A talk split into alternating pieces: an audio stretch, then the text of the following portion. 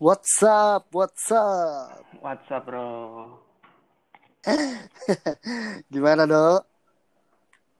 Udah mau Kita gila mulai- gua. Apa yang- gila gua. Ngapain lo di rumah sampai gila? Anjir, ada kerjaan banyak banget ya, nggak mau dia berhenti. Terus di rumah doang, udah buntu ide gua. Anjir, anjir. Oke, ini adalah podcast pertama kita dari apa nih? Eh, Packing Seat Conversation. Anjay. Berarti lu bangun pagi, terus eh, langsung mandi tuh. Agak kan gua gak mandi. Oh lu gak mandi anjing lah bangsat. Masa bau busuk lu ya. Udah mati kita dimakan cacing, Dok. Dok. Mesti kalau dibunuh-bunuh sepi gitu ya. Eh, kalau kalau menurut gua ya, eh, sebenarnya eh tapi aneh gak sih tiba-tiba eh, gue inget banget pas corona datang tuh eh, dari berita pertama tuh dari Depok. Terus Ya. lama-lama meningkat lah. Itu bulan bulan Februari ya? Bulan-bulan Februari awal pertengahan nih kalau nggak salah. Heeh. Itu kan blow up banget tuh ya kan. Heeh. kita eh, kita awalnya masih tendensius tuh apaan sih corona corona kan nah tiba-tiba sekarang udah 6000 anjing Ti- 6000 lebih Tapi ini kayaknya belum belum sampai di puncaknya sih, Pak. ya. oh belum nyampe puncaknya kenapa bisa lo bilang gitu Kurva kurva itu masih nunjukin peningkatan terus kan? hmm. Soalnya kan ini sebenarnya eh, data dari sebenarnya seberapa banyak tes yang lu sebar kan. Hmm. Kalau tesnya semakin banyak, si rapid testnya semakin banyak, ya Hmm. semakin banyak juga jumlahnya pasti. Karena kan banyak yang tanpa simptom kan, yang nggak ada gejalanya. Terutama yang masih muda-muda itu kan dia mereka nggak ada, ada gejala sama sekali. ya. Mereka cuma aktivitas kayak biasa aja, mereka nggak tahu sebenarnya mereka jadi carrier itu. dia nggak tahu kalau mereka Ya. jadi carrier ya Ah, ya sebenarnya semakin banyak rapid test itu tes massal itu dilakuin ya pasti semakin banyak angkanya. oke Intinya sih kita sedang menuju ke angka puncaknya. Oh Pada saat angka puncak angka, angka puncak itu pada saat si kurva itu udah ya udah udah udah stabil tuh peningkatannya tuh. Karena kurva pada saat udah di atas hmm. itu mereka karena dia pasti akan turun. Oke oke. Nggak nggak kan kan kalau si Wuhan Wuhan itu kan tiga bulan dok. Puncaknya dia pas lagi dua bulan gue inget banget tuh. Iya gak sih pas dua bulan yang sampai ya parah lah di Wuhan tuh gue lihat. Nah Ah, ini gue pengen ngomongin eh sekitaran kita aja kita ngobrol sekitaran kita aja. Yang pertama, lu aktivitas lu ngerasa berubah gak sih selama corona? berubah. Parah. Berubah parah. terutama gue tuh tipe orang yang kalau nyari nyari wangsit nih nyari nyari ide nyari inspirasi gitu gue harus Mhm. main atau gue harus pergi gitu gue nggak bisa diem satu tempat at least gue jalan-jalan ke mana ya naik motor muter-muter nggak jelas gitu kan. Mabok. Coli di Ikut. jalan. Ikut ikut ikut pengajian gitu kan Ikut-ikut buat pengajian. inspirasi. Ah, anjir lu lu ikut pengajian tapi lu lip sync ya. Bismillahirrahmanirrahim terus bibir lu doang yang gerak bangsat lah tapi lu nggak ngomong bangke lu. Itu ada filternya di TikTok nggak ya? Nggak ada anjir. Mana ada ya kan mau Ramadan pak. Kali ada TikTok versi Ramadan. Nggak ada gila. Eh kalau eh gue ngerasa deh ya kalau eh, ya gue sih dibilang bosan bosan banget sih ya. Karena kan kita bisa kita kalau di kantor ketemu temen lah tiba-tiba tiba-tiba stop coy. Gila gak lu? Tiba-tiba berat kita harus di rumah. Bla bla. Gue sampai masak do anjing lah. Gue sampai ke pasar gue sampai tahu harga cabai berapa. Bangke bangke gue bilang. Bangke asli gabung gue. Terus ap- harga telur naik dua ribu aja gue argumen anjir sama tukang telur ayam bangsat gue Eh, ngomong Ya, itulah. harga, eh, ngomongin harga gitu harga minyak kok belum turun pak ya? Harga apa tuh? Minyak. Minyak udah Min- minus coy. minyak minyak bumi maksud lo apa Ya, minyak jelantah logika gini pada saat minyak bumi naik tuh pada saat minyak bumi naik itu kan naikin harga BBM Hmm. impactnya ke bahan baku naik nih nah sekarang minyak minyak bumi turun nih Pak. minus malah bukan turun lagi udah minus Iya. ibaratnya lu beli dapat cashback tuh Iya, udah nggak ada harganya lah ya. udah nggak ada harganya gitu kan kenapa Hmm. ini nggak soalnya gue pernah baca gue baca di sesuatu ada pengamat itu ngomong seharusnya minyak itu sekarang harganya cuma empat ribu BBM BBM ya BBM cuma empat ribu harganya Berarti ini sekelas premium kali ya? kelas premium itu empat ribu Hmm. harganya harusnya di situ angkanya Setahu gua kemarin karena udah nggak ada harganya paling lu nggak, setahu gua kemarin ada beberapa negara yang udah nurunin dah. ya iya itu dia harusnya kan katanya sih idealnya di angka empat ribu Ah.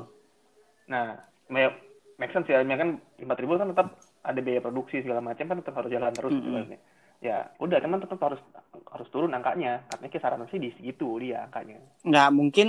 eh nih gue gue sambil browsing browsing ya. Ya beberapa alasan yang dari pemerintah bilang karena Pertamina masih punya utang coy, makanya sama dia nggak diturunin harganya. ya, semua juga punya utang gue juga punya Ya, utang apalagi gue sebagai pelatih lu. Nah, tai iya. banget. Eh, utang ya utang itu adalah teman saat ini, Aldo, Aldo. yo eh kalau su- kalau subahasa temannya Iya. bola kita temannya utang Jadikan tem- jadikan utang itu jangan jadi musuh, jadikan sahabat. jadikan sahabat Mamam tuh belau Lu- anjir. Tuh sering ketemu nama Ambon-Ambon ntar lu telat bayar lu. Enggak enggak, ah, sekarang Ambon-Ambon enggak terlalu serem ya karena muka-mukanya kan udah pakai masker ya. Jadi ketutupan. Pakai topeng bareng, coy. Boms, Mata lang ya kan. Nah, gue pengen tahu nih, Dok. Kalau seandainya lu nyikapin wabah corona ini kayak gimana sih? Sebagai karyawan swasta yang biasa-biasa aja. Gue menyikapi ini, gue cuma menyikapi ini apa ya? Gue bosen coy udah. Bosan dulu ya. Capek Kayak semua gua. orang pasti Gue di rumahnya capek loh. semua orang bosan dah kayaknya ya. Itu tit Kayaknya capek tuh passion gue dah. Gue kerja capek, di rumah aja capek. Itu passion gue capek. besok lo pasti senyum kan? Besok lo pasti senyum kan? Apa? Karena besok tanggal 24 at least kita bakal gajian. Ya, itu, itu semua cuma titipan Tuhan, Iya, Pak. ya, kembali lagi ke kartu kredit kartu kredit. Abis itu lo transfer Pasti, transferin. pasti. Iya. Itu udah pasti. Terima kasih Allah Subhanahu wa taala. Amin. Banyak-banyak Eh, alhamdulillah iya. ya sekarang. Nih, kalau Hmm. apa ya? Kemarin kan gue nggak ngerti ya eh adalah beberapa podcast yang ngomongin kalau ini ada population control lah ini udah ada agenda setting lah terkait corona iya gak sih Hmm. Eh, lu lu lu ini gak merhatiin itu gak Merhatiin gue. Gue sebagai pecinta Anjay. konspirasi ya. Nggak bentar bentar bentar lu berarti tuh- lu berarti percaya Ah. kalau eh, bumi itu bulat tempe itu bulat Yang pasti tempe sama tahu di kacang pasti kedelai. itu pasti Gua percaya oke itu. terusin Aha. Ya. Karena apa ya? Tadi, tadi pertanyaannya apa ya? Pertanyaannya eh, gimana? Lu udah udah ribut mulu belum sama istri lu? Bangke, tai lah.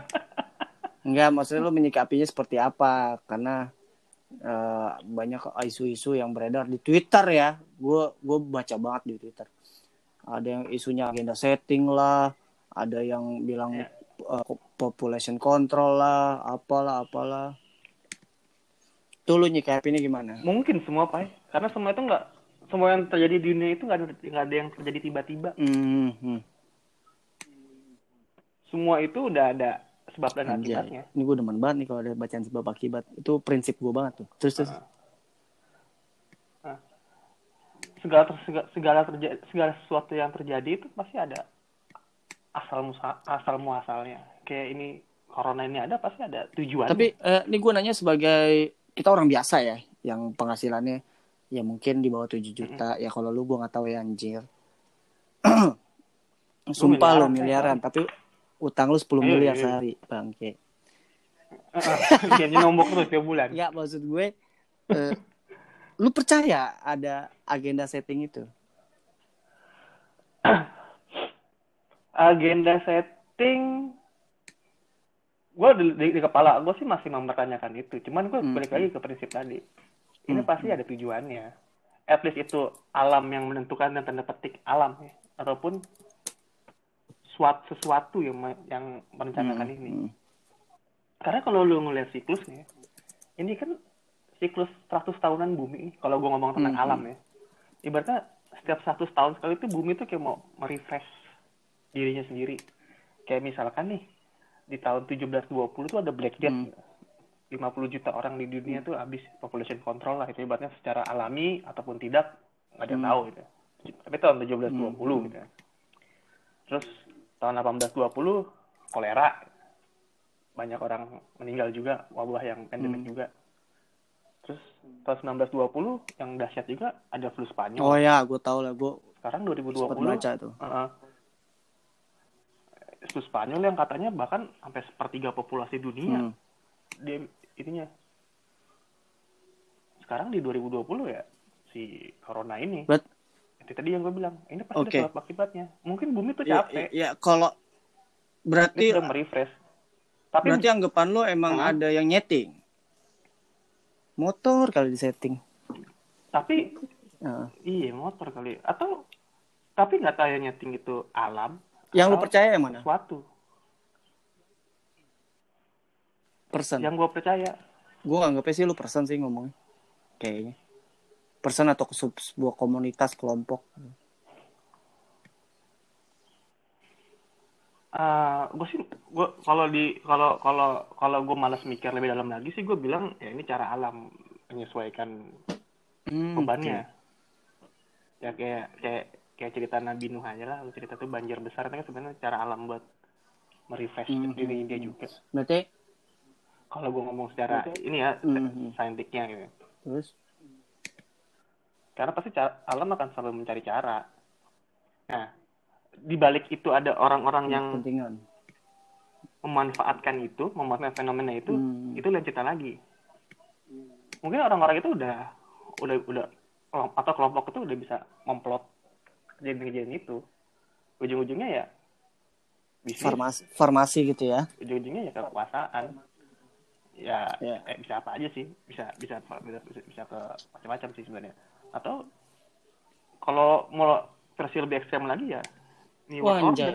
New World Order tuh. Itu gue dengar dari anjay, itu nama Population itu nama control. band itu kayak. It- itu Oke. New Order pak Popula- population control. Ngapain population control?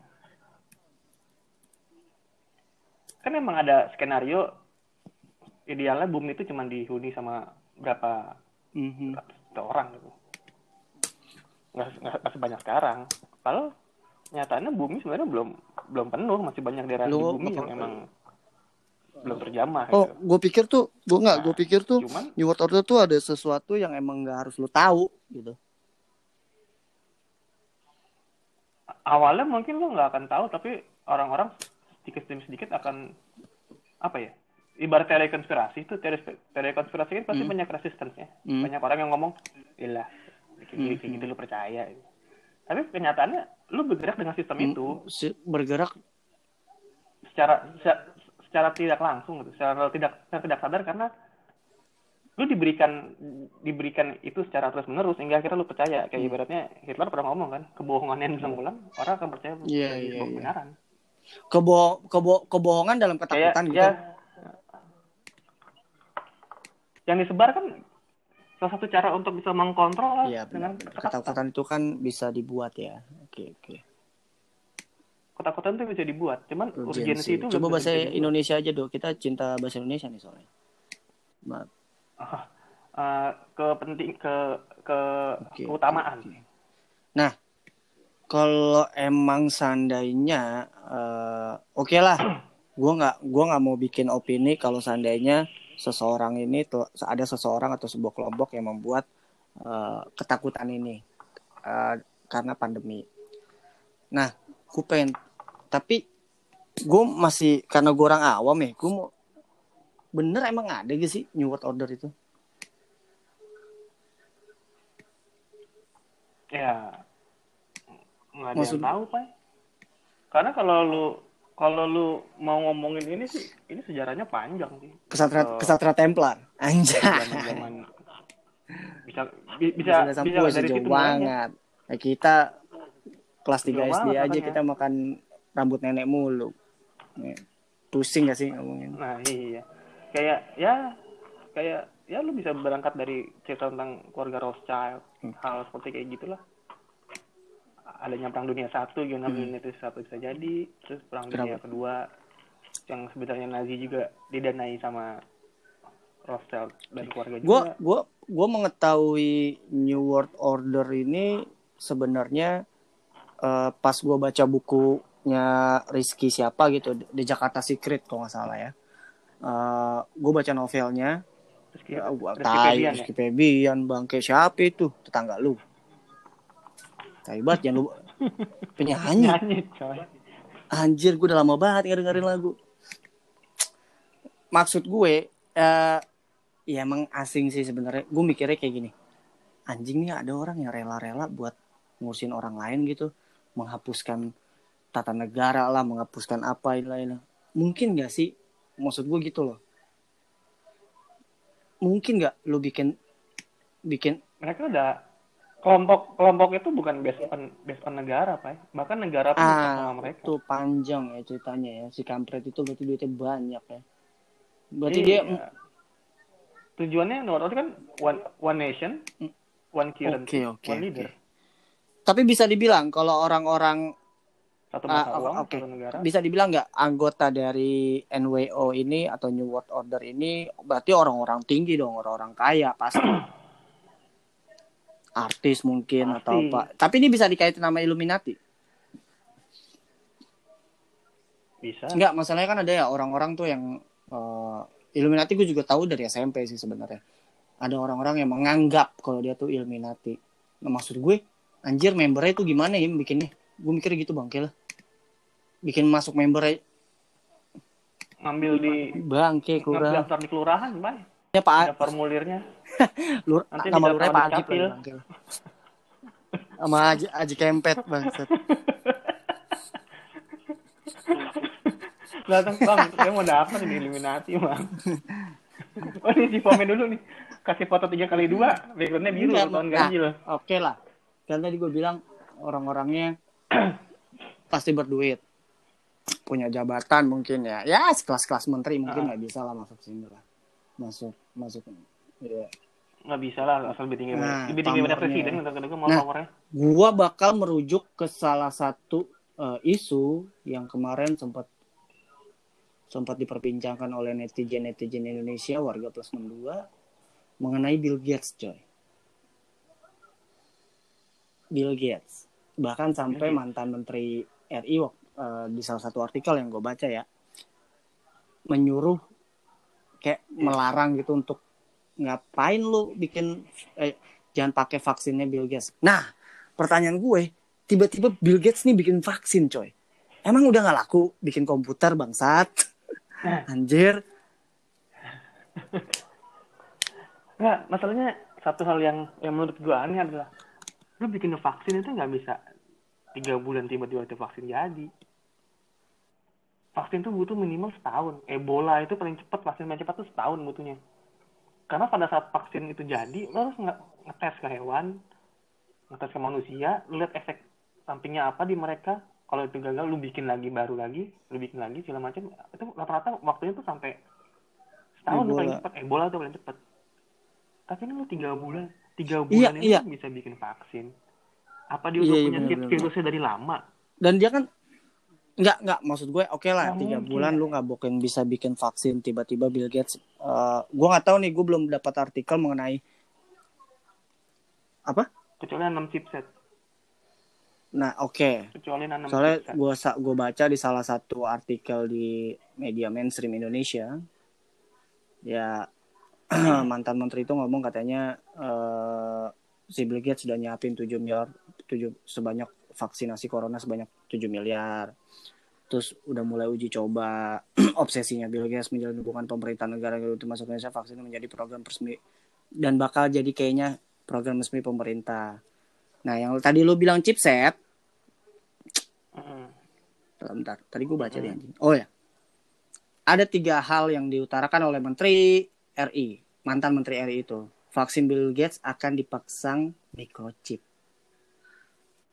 Nah, pertanyaan gue, Yoi. ini mi- mi- microchipnya masukinnya lewat mana?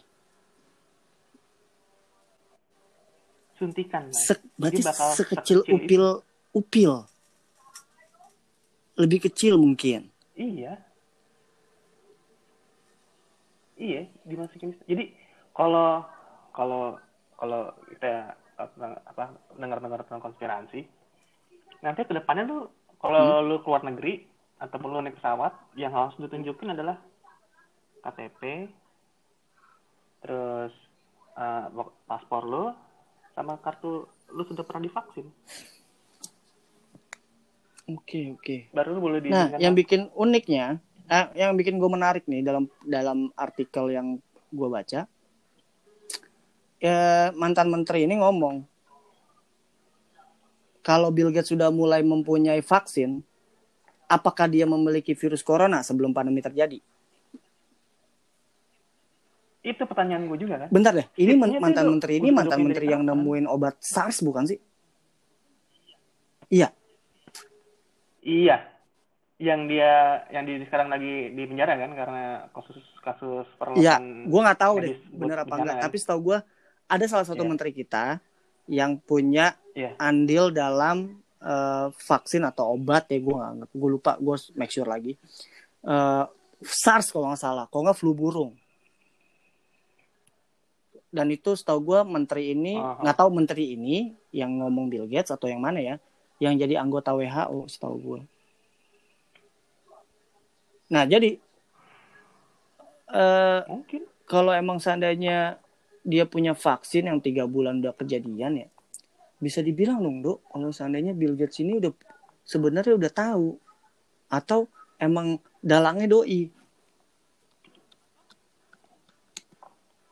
Atau ya, atau salah satu atau member dia salah satunya. Ingat dari tahun 2005 2015 tuh Bill Gates pernah Iya, gue udah gue udah nonton tuh. ada seminar dia kan. Dia ngomong nanti di tahun 2020 kita akan menghadapi perang besar. Bukan ini, bukan nuklir atau di screen-nya digambarnya kan. Tapi dia bentuknya kecil, nggak kelihatan. Virus. Nah, Iya, maksud Kejadian. gue dia bisa ngomong bisa ngomong tepat loh dok dari 2015 ya dia ngomong ya.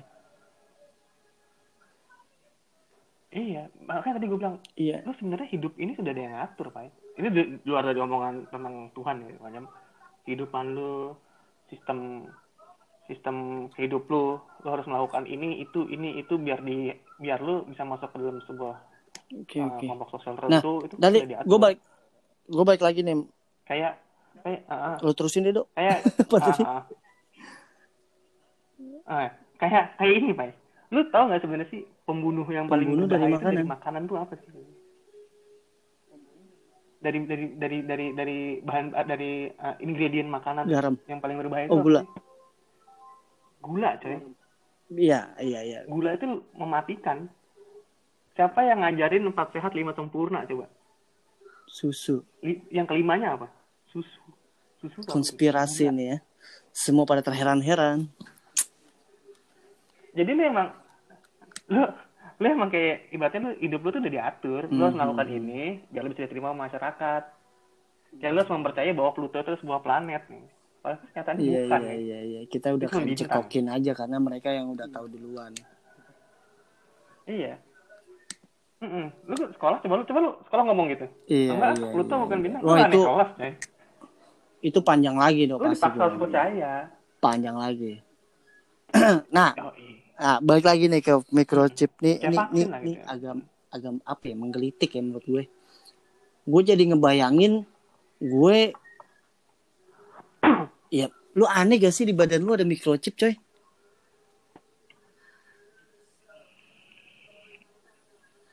ya kalau dia tertanam di badan lu di dalam sel, sel, apa pembuluh darah lu lu kan Enggak, maksud gue gini. Kan kayak lu kayak lu ya, tapi kan bisa keluar dari berak. Kalau seandainya dari iya gak? Lu berak aja udah cepirit, bodo amat. Ya, makanya di, dimasukinnya ke darah kali ya. Anjing, ini lagi. agak mengerikan ya menurut gue. ya gue belum tahu lah maksud maksud dan tujuannya seperti apa. Tapi kalau dia bilang microchip aneh coy. Karena microchip di pikiran gue ya komputer. Dalamannya komputer. Oke ininya handphone lah. Lebih kecil lagi pak. Buset. Lu Lebih pernah nonton ini lagi. gak sih? Ada film tuh yang anjing sis- CCTV terkecil di sedunia anjing. Aku lupa lagi ya itulah pokoknya. Nah eh, balik lagi nih dok. Kalau seandainya ya gua nggak tahu ya eh, Bill Gates ini anggotanya atau enggak. NWO atau apa. Tapi kan ya dia kayak sekarang kan kayak playing hero ya. Dia udah punya vaksin bilangnya. Eh, terus ini gua gua nggak tahu kenapa ya panutan gue dulu Bill Gates sebenarnya. Maksudnya dia orangnya paling sa iya gak sih? Dia paling- semua orang, orang. paling santai coy. Orang paling santai menurut gue yang duitnya banyak tapi dia santai banget. Nggak terlalu menggebu-gebu gitu. Tapi tiba-tiba dengan ada vaksin ini anjing ini kayak obsesi banget coy. Hmm. ambisius coy. Dan dan seakan tiba seakan tiba-tiba tuh seluruh dunia tuh kayak sadar berarti cerita-cerita yang selama ini beneran kejadian ya? Orang ditanamin microchip segala macam. Vaksin virus settingan segala macam. Wah ya orang tuh seakan-akan kayak sadar itu cerita-cerita obrolan obrolan-obrolan kopi jadi kebenaran ya? Kayak begini tapi kejadian beneran. Obrolan kopi beneran nah Itu setahu obrolan-obrolan setahu, ngayal setahu lu nih dok. Setahu lu ya, Ya. selain Hah? Bill Gates siapa aja dok? Yang jadi anggota. Yang menurut lu lah sepengetahuan lu aja. Disensor semua. Ya dalam bahaya nih. apa gitu. Ya yang pasti ya wah itu Hotel, paling terbaik tuh ya dia ya. lah di situ. Paling inilah paling booming lah. Ya. Terus? Heeh. terus si siapa lagi ya ya orang-orang itu. Orang-orang apa nih? Mungkin orang-orang sawah. Hah? ya. Rupert itu Murdoch siapa coy? Murdoch bangsat gue nggak tahu. Yang punya oh I Raja- see, I see, I Raja see. Gua media tahu, dunia, tahu. iya iya iya iya. Terus? Ya mereka butuh tetap butuh media. Nah. Yang untuk menyebarkan itu kan media kayak lu megang megang pul me- me- megang pulpen nih kalau seluruh orang di dunia tuh me- Wah, bilang itu ini pisang. teori banget nih. Eh, teori apa pisang namanya ini? sebutan nih? Gue lupa lagi tuh. Iya, gue pernah baca lah ini, gue pernah baca. Iya, ya iya, iya. kebohongannya dong ya kayak gitu gitu ya lu me- megang rokok nih semua orang ng- ngomong itu pulpen lu ke mana dong itu pulpen akhirnya lu percaya itu pulpen Ada penggiringan opini gitu ya sebenarnya. Enggak juga. Ya penggiringan opini ya. Oke, oke. iya Nah, ya nah tapi dok, nah gue bakal Ngomong loncat. persepsi gitu. Ini, ini terakhir lah, terakhir lah nih ya. Kita udah 30 menit. Eh, terakhir lah. Eh, penyebaran gue sebenarnya ya, gue nganggapnya COVID ini atau pandemik ini itu kayak menyebarkan ketakutan coy, bukan wabah. Lu bay lu bayangin dok ya, gue Iya, nggak pernah nongkrong di di rumah gue yang sekarang semenjak gue kerja. Eh gue kerja lah gue nggak pernah nongkrong. Maksudnya ya nyampe rumah ya gue tidur nyampe rumah gue tidur udah. Iya itu Ya, lu udah kan pasti. jangan dibilang-bilang Lu- dulu ntar bini gue denger nih. Terus ketika gue WFH at least gue harus kerja di rumah gue adalah beberapa waktu gue keluar. Kayak berjemur dan itu gue ketemu orang-orang sekitar rumah gue tetangga-tetangga gue dan emang gue kenal muka tapi gue nggak kenal nama. Itu saban hari ngomonginnya kalau nggak angka kematian angka pengidap covid. That's it. Dan itu semuanya ring satunya ya ya eh, ini eh, apa eh, dampak-dampaknya lah pokoknya covid lah. Jadi kayak eh, di orang-orang nggak boleh mudik lah bla bla bla. Dan itu setiap hari dok. Ini bukan media ya. Ya maksud gue ini bukan media. Ini adalah orang-orang yang udah baca media gitu. Pertanyaan gue menurut lo media itu ada peran besar gak sih untuk menyebarkan ketakutan? Atau ini hanya ini hanya clickbait aja karena emang uh, fenomena yang sekarang ya corona. Yes, that's Ya, right. That's so fucking cool. good news kan. Itu. Impactnya dari bad news ya fearness. Panik coy, asli coy. Fearness orang panik.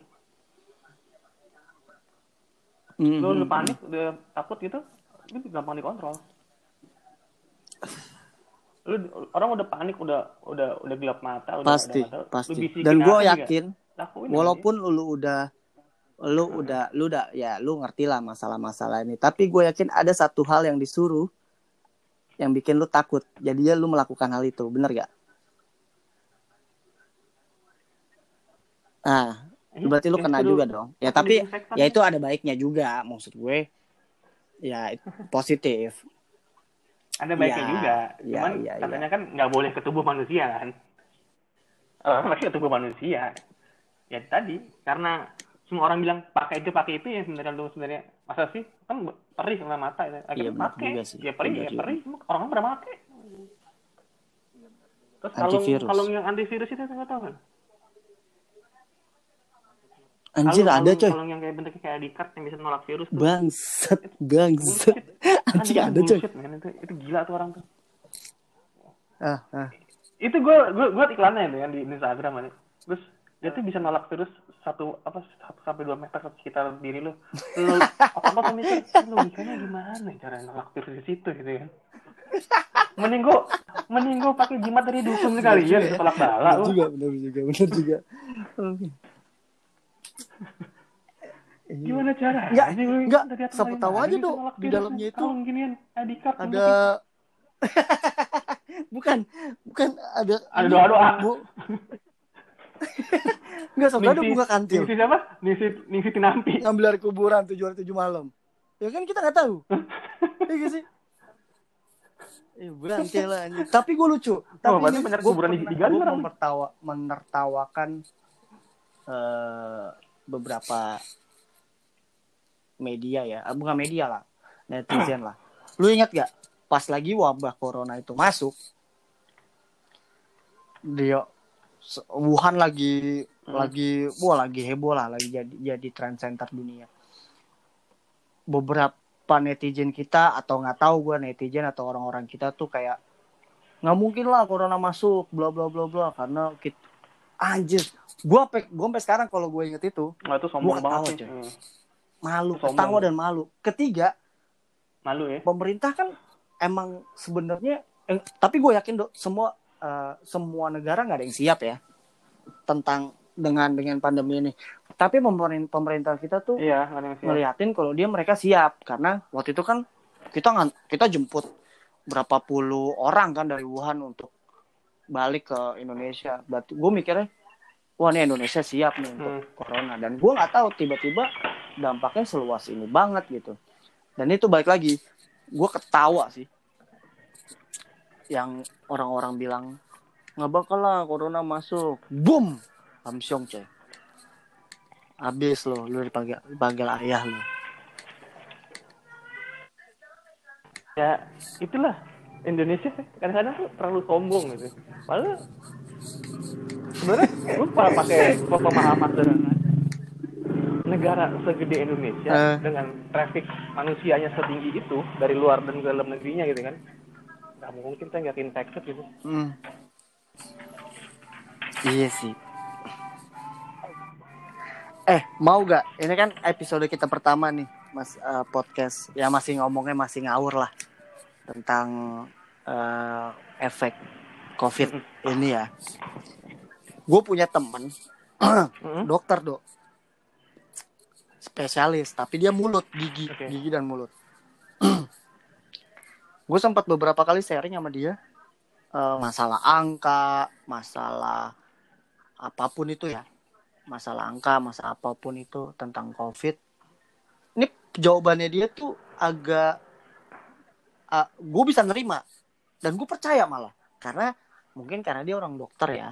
Pertama dia dokter, kedua kayak oke juga nih.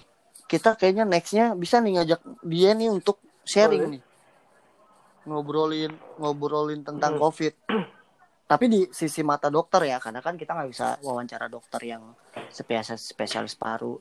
Temen gue ini, eh ini gue kilas balik dikit. Temen gue ini dokter gigi, lumayan oke lah temen SMA gue. Dan dia punya argumen-argumen yang oke juga menurut gue tentang COVID. Dan ini agak Oh, ya? berlawanan. Yes, Dia dokter berarti ya? dokter, dokter, di dokter. Ya mungkin nanti kita ajak. Nanti gue bakal coba tuh- WhatsApp dia. Ya, Mungkin yang, besok. Yang menarik tuh ini apa? Gue kemarin nonton si yang Deddy Kobuzer tuh yang konspirasi tuh. Agak yang Konspirasi apa? tentang data. Data ini sebenarnya benar atau enggak? Terus? sebenarnya? Data apa si, nih? Si orang yang kena COVID ini, Hmm, hmm. data ini data benar, data yang dibesar-besarkan. Kalau di dikecil-kecilkan mungkin, tapi bisa juga nggak sih ini data sebenarnya dibesar-besarkan untuk menimbulkan ketakutan itu. Hmm. Karena dia karena Panik cerita, ya? sebenarnya orang yang meninggal karena sakit jantung pun diklaimnya di saat seperti ini adalah meninggal karena COVID. Orang yang Oh, see, I meninggal see, karena ginjal COVID karena Dibilangnya COVID. karena Hmm. di beberapa kejadian ada kasus orang ini meninggal diklaimnya ada sakit covid pada saat dites hasil tesnya baru keluar sekian lama setelah dia meninggal hasilnya negatif Oh, Oke. soalnya eh, simptomnya kan basic banget nih si covid nih kan flu flu batuk sesak Ah, napas ah.